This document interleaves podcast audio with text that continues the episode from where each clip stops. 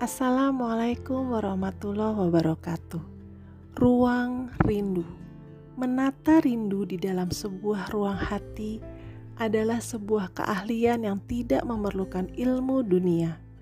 Karena Tuhan dengan sempurna sudah memberikan sebuah hati yang bisa mengatur semuanya.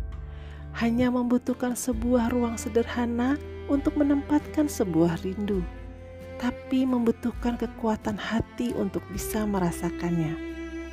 Hingga rasa rindu itu menjadi indah.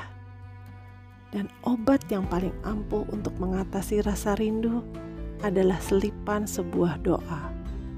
Untuk sebuah rindu, terselip doa untukmu. I love you.